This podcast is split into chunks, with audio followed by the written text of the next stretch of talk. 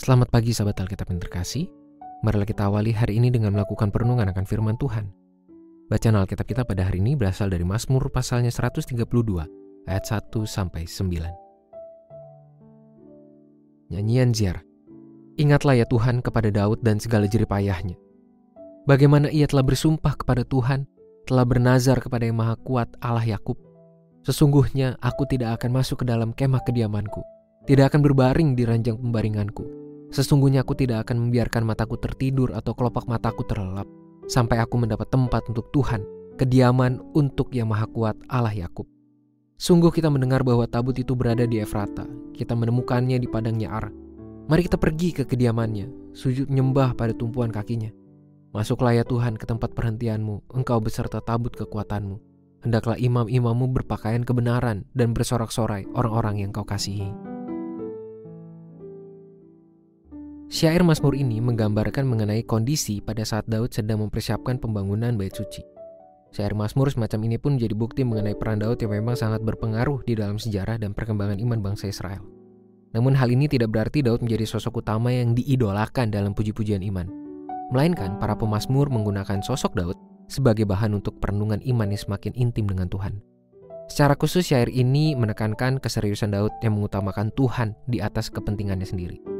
Aspek ini pula yang dimaknai oleh para penyair Mazmur sebagai puji-pujian untuk Tuhan yang sedang mengajak para penikmat sajak-sajaknya untuk melakukan hal yang serupa dengan Daud. Sahabat Alkitab, manusia adalah makhluk hidup yang selalu disertai dengan segala macam bentuk kebutuhan, mulai dari yang paling pokok, pelengkap, hingga sekedar pemuas keinginan. Namun sebagai Tuhan kita perlu memiliki kebijaksanaan dalam membentuk diri agar tidak terhisap oleh hawa nafsu pemuas kebutuhan diri sendiri. Bahkan, kita semestinya tidak perlu hidup dalam kekhawatiran terkait kebercukupan kebutuhan, karena Tuhanlah sang pemelihara hidup kita. Persoalan terbesarnya adalah perihal pengendalian diri terhadap pemenuhan keinginan sendiri. Seringkali manusia melakukan banyak kesalahan, mulai dari yang kecil hingga besar, akibat ketidakmampuannya mengendalikan keinginan atas sesuatu. Alhasil, manusia mulai memaksakan kehendaknya sendiri dengan membenturkannya kepada kenyataan yang menghasilkan banyak dampak buruk entah terhadap diri sendiri maupun orang lain. Tidak jarang, seorang manusia pun menggeser peran Tuhan untuk menempatkan keinginannya sebagai hal yang paling utama untuk ia penuhi. Padahal sikap hidup Daud pada syair Mazmur ini telah menjadi sebuah pedoman iman yang mengajak kita untuk mengutamakan Tuhan di atas segala kepentingan maupun keinginan diri sendiri.